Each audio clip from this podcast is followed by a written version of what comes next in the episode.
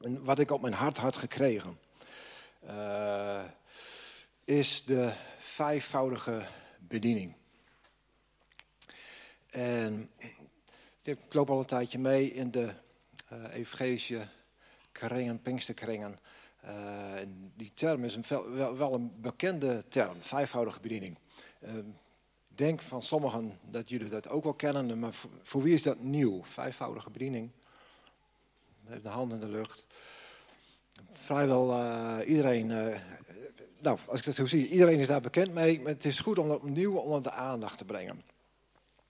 want het zijn naast de vruchten van de geest, de gaven van de Heilige Geest, ook de, de bedieningsgaven die Jezus aan de gemeente heeft gegeven.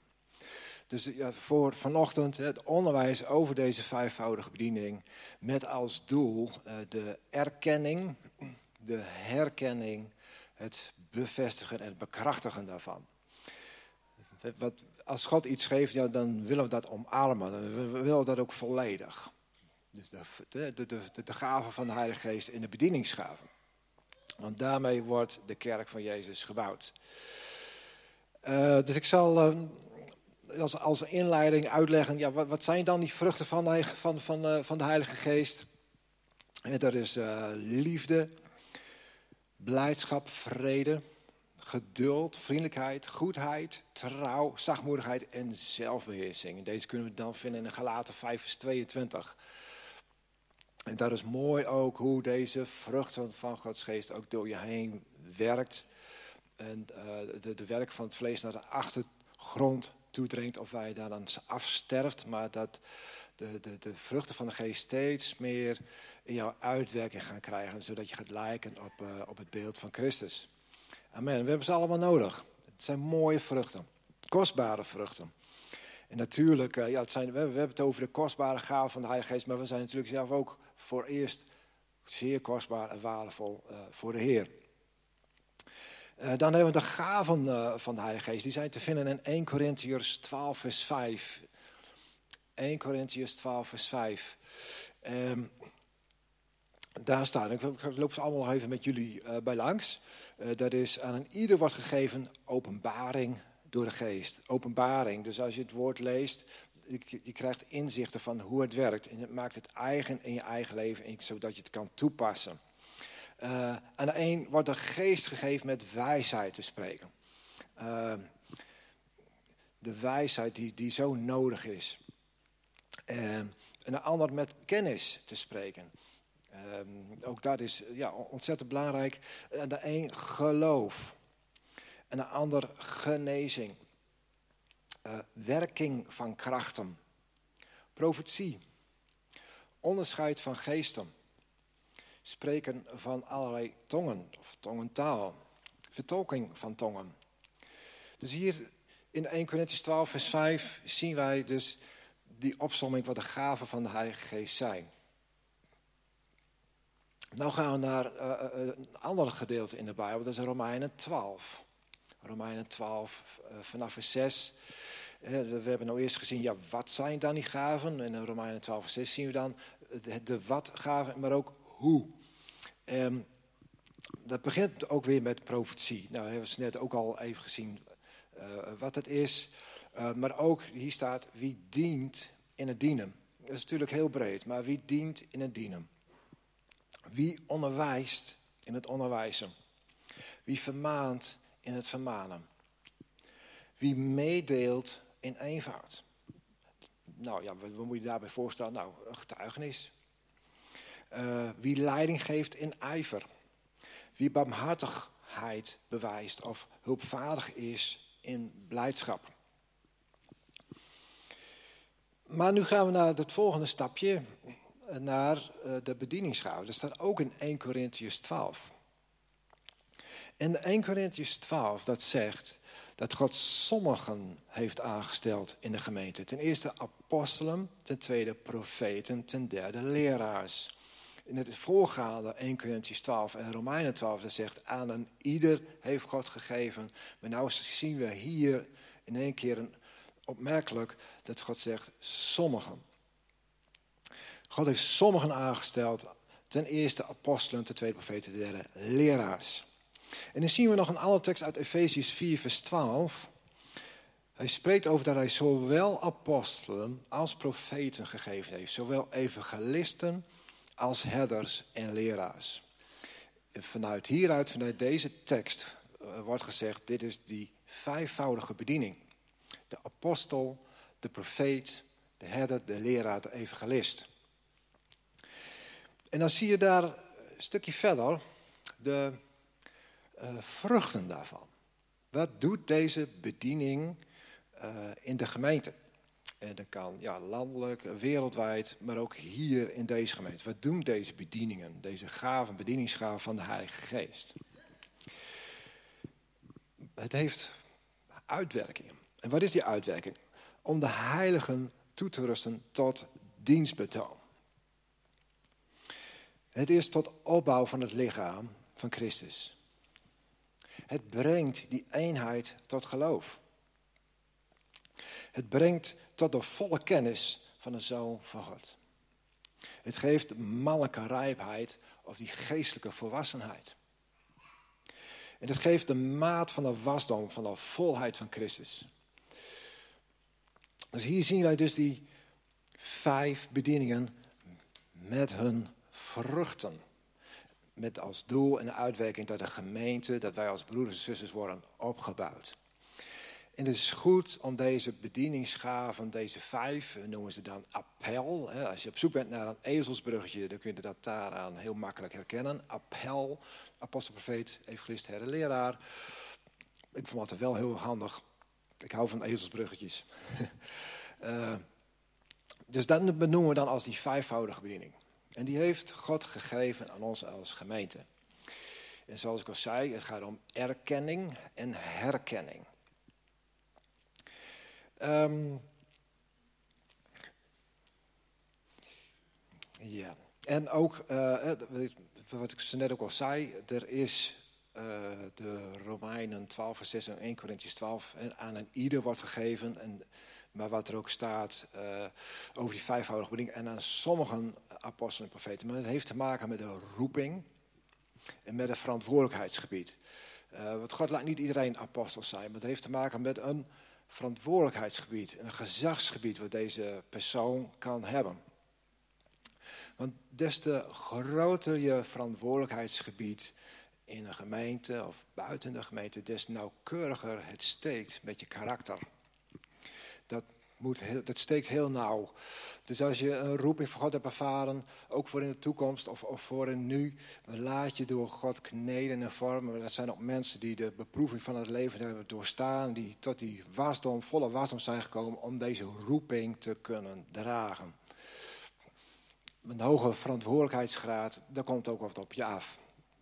Maar je mag dan in Christus geworteld staan en standvastig blijven. In, in, in, in gehoorzaam blijven in de roeping die God je gegeven heeft. Dus ja, die mate van roeping en verantwoordelijkheidsgebied en het, karakter die je draagt is ontzettend belangrijk. En het steekt heel erg nauw hoe hoog die verantwoordelijkheid wordt.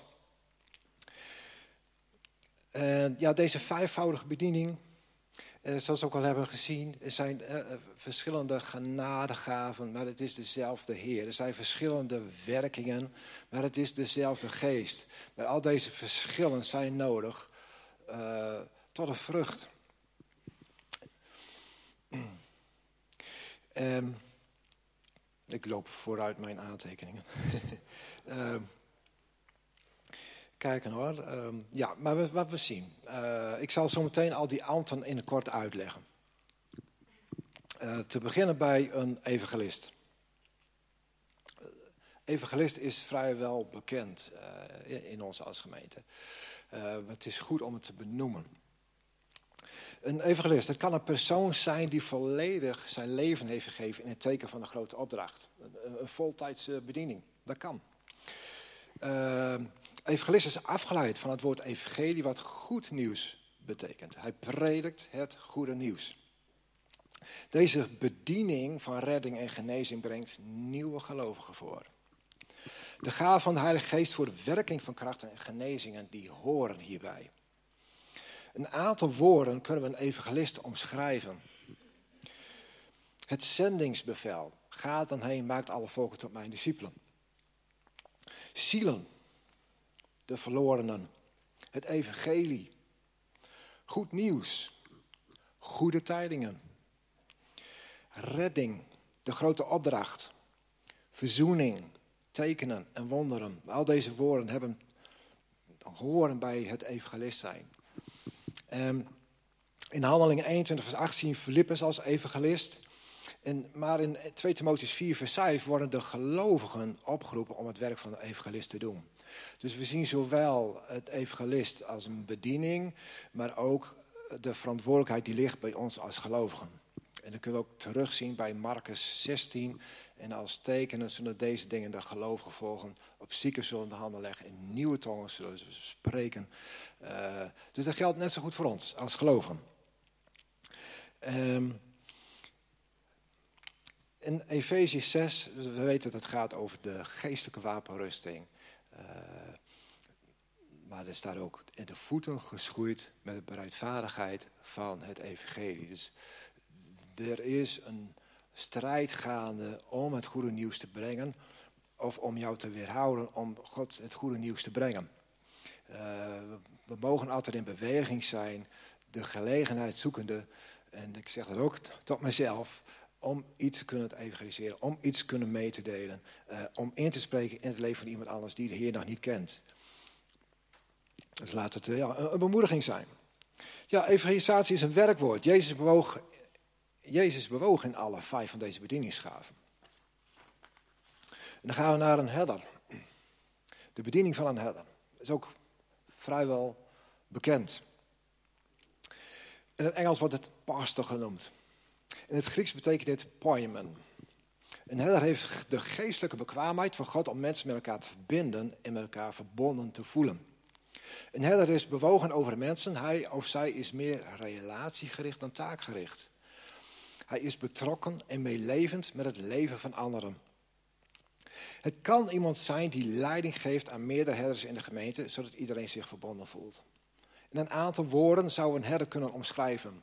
Kudde, voeden, verzorgen, omzien, bewogen, geduld, raadgeven, pastoraal, dienen, leiden, beschermen. Het is een verantwoordelijkheid van de herder, maar ook van elk gelovige om naar elkaar rond te zien. Zo heb ik dat in het kort, uh, deze herderschap, uh, deze bedieningsgaven kunnen omschrijven. We hebben ook de bediening van een leraar. Nou, we hebben de bekende Bijbelleraren uh, die landelijk bekend zijn, of misschien internationaal. We hebben de, de, de Bijbelscholen. Uh, de een wat meer bekend als de ander, maar allemaal om te bedienen met het woord. En ook in de lokale gemeenten zijn daar mensen die opstaan om te onderwijzen. In, ook in allerlei vormen. Een aantal woorden kunnen we leren omschrijven, uitleggen, trainen, instructies geven, onderwijzen, vereenvoudigen, voorbereiden, volwassenheid, discipelschap, stappen, sleutels, openbaringen, inzicht, kennis, paraatheid, geloofsgrond. Nou, dat zijn allemaal wat dingen waarvan we zeggen, ja, dat hebben we echt nodig. We gaan naar de bediening van een profeet. Nou, een profeet is ook wel bekend. Ook als, we kijken naar het Oude Testament en het Nieuwe Testament. Een profeet of een profetes die spreekt namens God. Ze ontvangen en communiceren de wil van God. De geopenbaarde wil van God over de situatie of in iemands leven. Woorden die een profeet kunnen omschrijven is zien, van het zien in de geestelijke wereld, het horen van God, het spreken. Hij is een ziener, de mondstuk van God, boodschapper, wachter, openbaring, proclameren, de weg voorbereiden, last, meedelen, bidden, uitingen van de geest, profeteren en profetie. Daar hoort het uitdrukken, het afbreken en het planten, voorbeden, bekering, heiligheid, bevrijding, dromen, visioenen. Nou, dat is een, een hele reeks. Allemaal om uit te leggen en, om te laten zien wat dit inhoudt. Het ambt van een profeet verschilt van een profeterende gelovige. Het heeft te maken met geestelijke autoriteit die de Heer aan zo'n persoon geeft, aan een profeet geeft. En misschien even een zijstapje, maar ik, ik vond het wel erg leuk. Hè, maar de, de kerk heeft geestelijke autoriteit. Een profeet heeft geestelijke autoriteit. Een profetische boodschap heeft geestelijke autoriteit. Dus de kerk is een autoriteit voor in een land. Maar we weten ook dat de regering een autoriteit is. En ik heb ooit eens een keer een gehoord, uh, uh, Kees Vork. In die tijd uh, kwam hij ook heel vaak onder het kabinet van Balken en daar had hij heel veel gesprekken mee, heeft er een boekje over, over geschreven. Maar hij zei, hè, er zijn twee soorten van autoriteit. Daar is de kerk en daar is de regering. En als we vanuit die bril eens naar de Bijbel gaan kijken, en dit is het zijstapje nog steeds, dan zien we die wisselwerking nog steeds. We zien dat de profeet Mozes naar Egypte toe ging, naar de koning van Egypte. Geestelijke autoriteit, naar de heersende regering. We zien de profeet Nathan met een woord over Uzia en Bathseba. Een geestelijke autoriteit gaat naar een koning David. We zien uh, de prediker Jona als boodschapper van God, als geestelijke autoriteit, naar de stad Nineveh gaan en, en uh, met een oproep. En we zien dat de koning daarin meegaat en hij roept een biddende vasten uit van drie dagen. En de oordeel van God waarover die stad afgewend. Geestelijke autoriteit, regerende autoriteit. En zijn twee vormen die de Heer gegeven heeft. Maar zo zien we dus ook dat wij als kerk een autoriteit zijn met een zeggingskracht. En het is goed om daar bewust van te zijn, maar we hebben een stem. Geen politieke stem, maar een geestelijke stem. Halleluja, dus die laten we ook horen. want uh, in onze voorbeden voor Nederland, God heeft ook beloften op Nederland gelegd. En uh, daar, daar, strekken we ons uh, naar uit. Um, Efesius 2 vers 20. 2, Efesius 2 vers 20 zegt dat wij geen vreemdelingen en bijwoners meer zijn, maar medeburgers der heiligen en huisgenoten gods. Gebouwd op het fundament van apostelen en profeten, terwijl Jezus Christus zelf de hoeksteen is. In hem was elk bouwwerk goed ineensluitend op tot een tempel. Nou, waar mij nou om gaat in deze uh, tekst, Efesius 2, vers 20, gebouwd op het fundament van apostelen en profeten. De bediening van een apostel, de bediening van een profeet, heeft die gezagsgebied over de fundamenten van de gemeente. Dat was de bediening van een profeet. En de bediening van een apostel misschien wat minder bekend, maar wel net zo belangrijk. Apostolos betekent dat, gezondene. Een apostel heeft geestelijk gezag.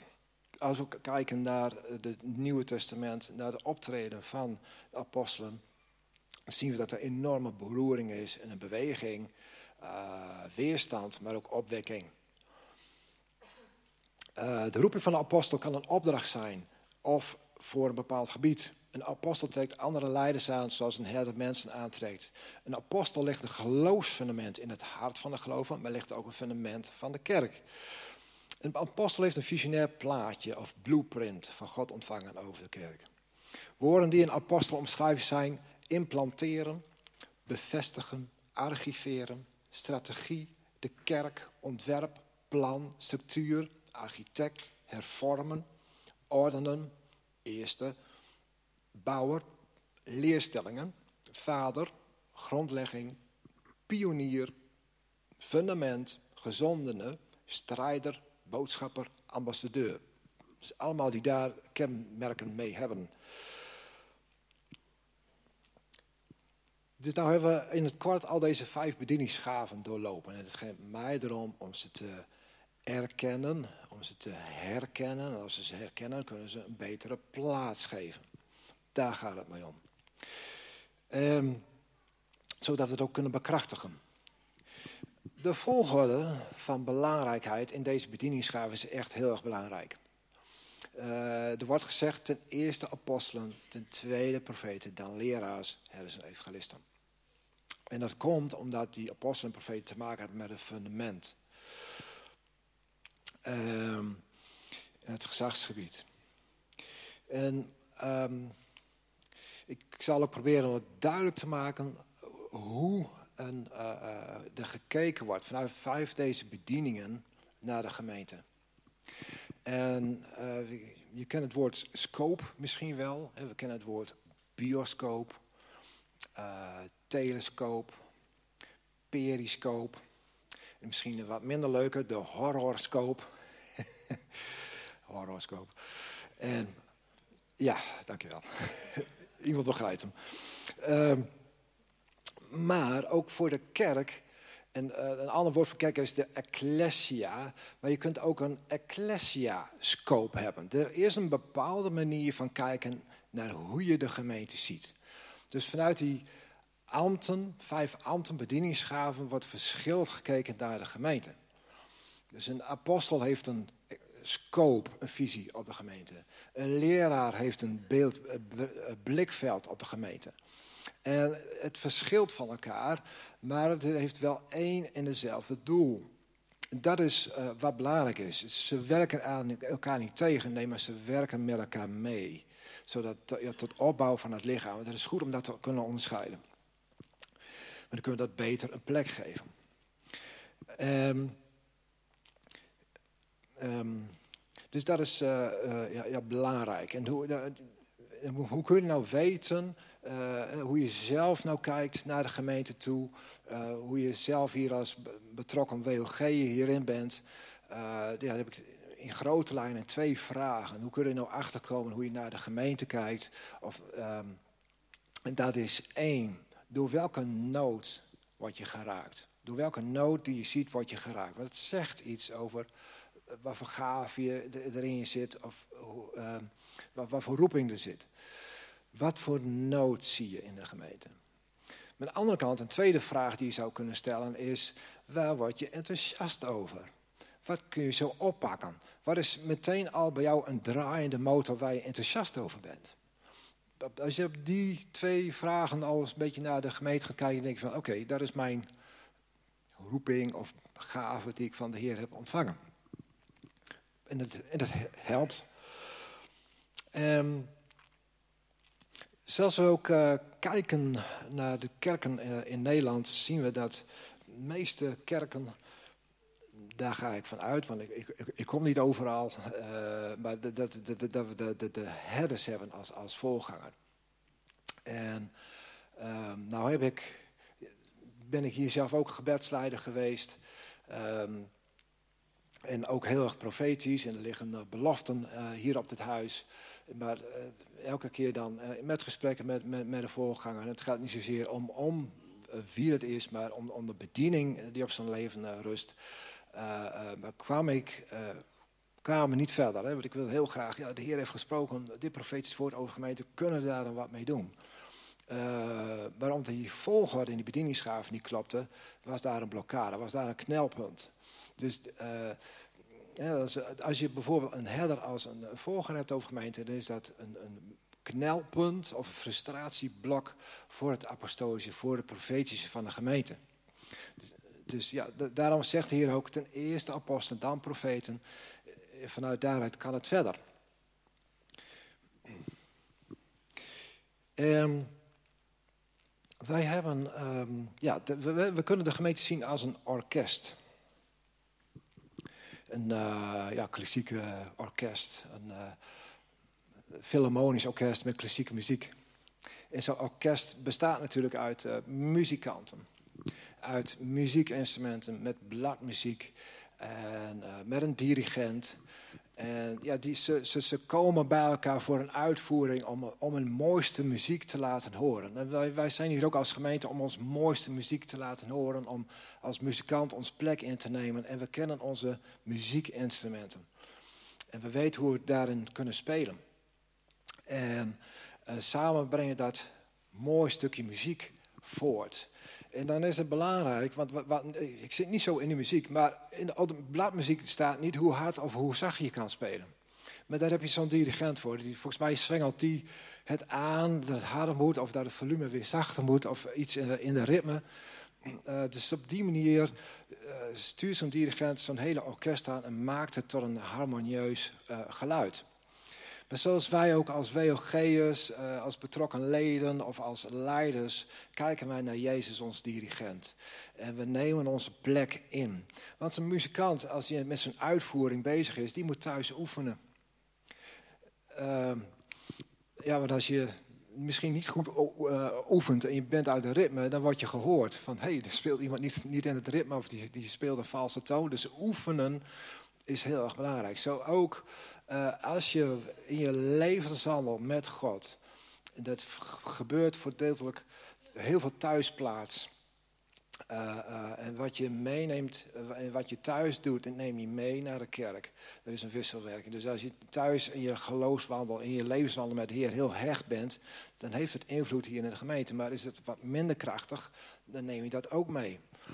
En ik heb, ja, dat zijn kunstmesten, uh, groeistoffen voor je persoonlijke groei. En dat is uh, persoonlijk, maar ook voor ons als gemeente. Nou, ik heb in een tuinbouw gezeten. Dit, vanuit de studie, studieboeken heb ik geleerd. met kunstmest. daar is PKN, nee, NPK. Stikstof, fosfaat en kali 1218. En dat is nodig voor wortel, wortelgroei, de groei van de plant en de bloei van de plant. En zo hebben wij ook een recept, een, een, een kunstmest, een groeistof, wat zorgt voor de groei van ons geestelijk leven. En ik, ook hierin heb ik weer een heel leuk ezelsbruggetje. En in dat ezelsbruggetje komt het naam van onze gemeente in voor. En ik noem dat, uh, deze groeistoffen, WLG-RG. Makkelijk te onthouden. En wat houdt dat dan in? Goed, goede groeistof, WLG-RG. Uh, de W staat voor woord. Dat is de kennis over het woord, bijbelstudie, openbaringen, inzichten. Dus als je dat toevoegt in je leven, groei je daardoor. En dat is wat je thuis kan doen. Bijbelstudie, persoonlijke bijbelstudie, je tijd met de Heer. Daar groei je van. Je eigent je het woord van God toe. De L staat voor lofprijs. Lofprijs en aanbidding. Jouw leven is als aanbidding voor de Heer. Je geeft je leven vrijwillig aan God. En dat is als respons op de liefde die God jou gegeven heeft. Lofprijs en aanbidding is een groeistaf. Het is uh, danken in geloof. En gebed, de G van gebed, gebed voorbeden. Dus, ja, je, gebed is praten met God, uh, hoe je met de Heer omgaat. Uh, hoe beweeg jij je in je leven met gebed en in je relatie met de Heer. En voor jezelf, maar ook in je gebeden voor de gemeente of voor je omgeving. En alles wat, wat op je hart is. Dus ook gebed, voorbeden is een hele belangrijke groeistof. Dan hebben we de R. Dat is van relaties. Relaties, we hebben elkaar nodig om elkaar op te bouwen, om elkaar te moedigen, om, om in te spreken. Uh, maar ook om het geloof met elkaar te delen en om enthousiast te raken. Dus ook relaties is ontzettend belangrijk. En dan de G van God zelf. En dus hier hebben we dus die groeistof van WLGRG. Onthoud hem goed. Zo, maar dat hebben we nodig in ons persoonlijk leven, maar ook voor ons als gemeente. Bij elke activiteit we doen, bij elke samenkomst waar we hebben, komen die ingrediënten terug. Dan kom ik uh, tot slot, ik ben bijna aan het einde. De kerk is ten eerste een geestelijk bouwwerk van geloof, van het woord, van alles ook net, wat ik net genoemd heb. En ten tweede organisatorische structuur. En beide zijn belangrijk. Maar ook hierin is een volgorde. Je eigen hechte relatie met God, je discipelschap als volgeling van Jezus in je dagelijks leven, met het woord, gebed, lofprijs, relaties en met elkaar, in combinatie met de vruchten en de gaven van de Heilige Geest. Samen maken we zijn hemelsmuziek en bouwen zijn gemeente. Amen. Amen. Ik wil je nog heel graag meegeven, nog wat profetische woorden. Een aantal jaren terug hebben we hier Gerard de Groot gehad. En we hebben het gehad over die vijfvoudige bediening. En hebben we hier het woord. Het DNA-gehalte van de waardevolle levengemeente brengt zonen en dochters voort in het huis. Het brengt zonen en dochters voort in het huis. Dus nieuwe gelovigen die gediscipeld worden, die getraind worden en tot die wasdom komen. Nieuwe gelovigen die uitgaan als zonen en dochters van God. Uh, want de Bijbel zegt, de wereld wacht op het openbaren van de zonen en uh, van God. De, de, wereld zucht en het uh, rijkt met ja, uitreikend verlangen naar de verlossing. Zoiets, zo staat hij daar.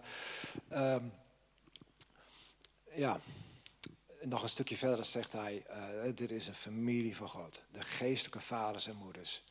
De, sommige dingen heb ik benoemd als bedieningsgaven, maar er zijn nog veel meer. De, de, bijvoorbeeld de geestelijke vaders en moeders, die, die, die er altijd zijn, met een luisterend oor.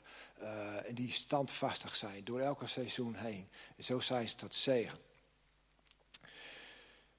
En ook nog mooi, ja, leiders zullen opstaan in ons midden. We hebben Aline hier gehad. En Aline had heel erg op haar hart om de volgende woorden uit te spreken. En ze zegt, uh, je moet ze herinneren aan wie ze zijn. Herinner ze aan de fundamenten die ik zelf heb gelegd. God zelf heeft in deze gemeente, ik word geraakt, uh, kijk hoor, een apostolisch fundament. Wat is daar om verandering te zien komen in deze regio. Daarom zijn jullie hier als waarde van leven. Dus de functie, de opdracht van hier, ons als WOG hier in Loppersum, het kleine dorpje, is voor deze omgeving. Voor het noorden. We zijn van strategisch belang. Daar moeten we niet te klein over denken. En uh, herinner ze aan het profetisch fundament wat ik jaren geleden heb gelegd in deze gemeente. Dus het apostolische, het profetische, het is hier nog steeds. Het is hier het DNA. Het zit hier. En uh, ik heb een heel leuk voorbeeld over een, een, een appelboom. de identiteit, het DNA van een appelboom is als vrucht een appel. Zo heb je dat met een perenboom. Zo heb je dat met een pruimenboom. Een eikenboom enzovoort. Dus het DNA, de identiteit die hier is geplant wordt. Het DNA is het apostolische is het profetische, het herlijke, het leraarschap en de evangelisten. Het is in ons DNA. Zo ook vanochtend. Het is goed om het weer opnieuw te benoemen, maar ik wil het ook uh, uitbidden. Zullen we gaan staan?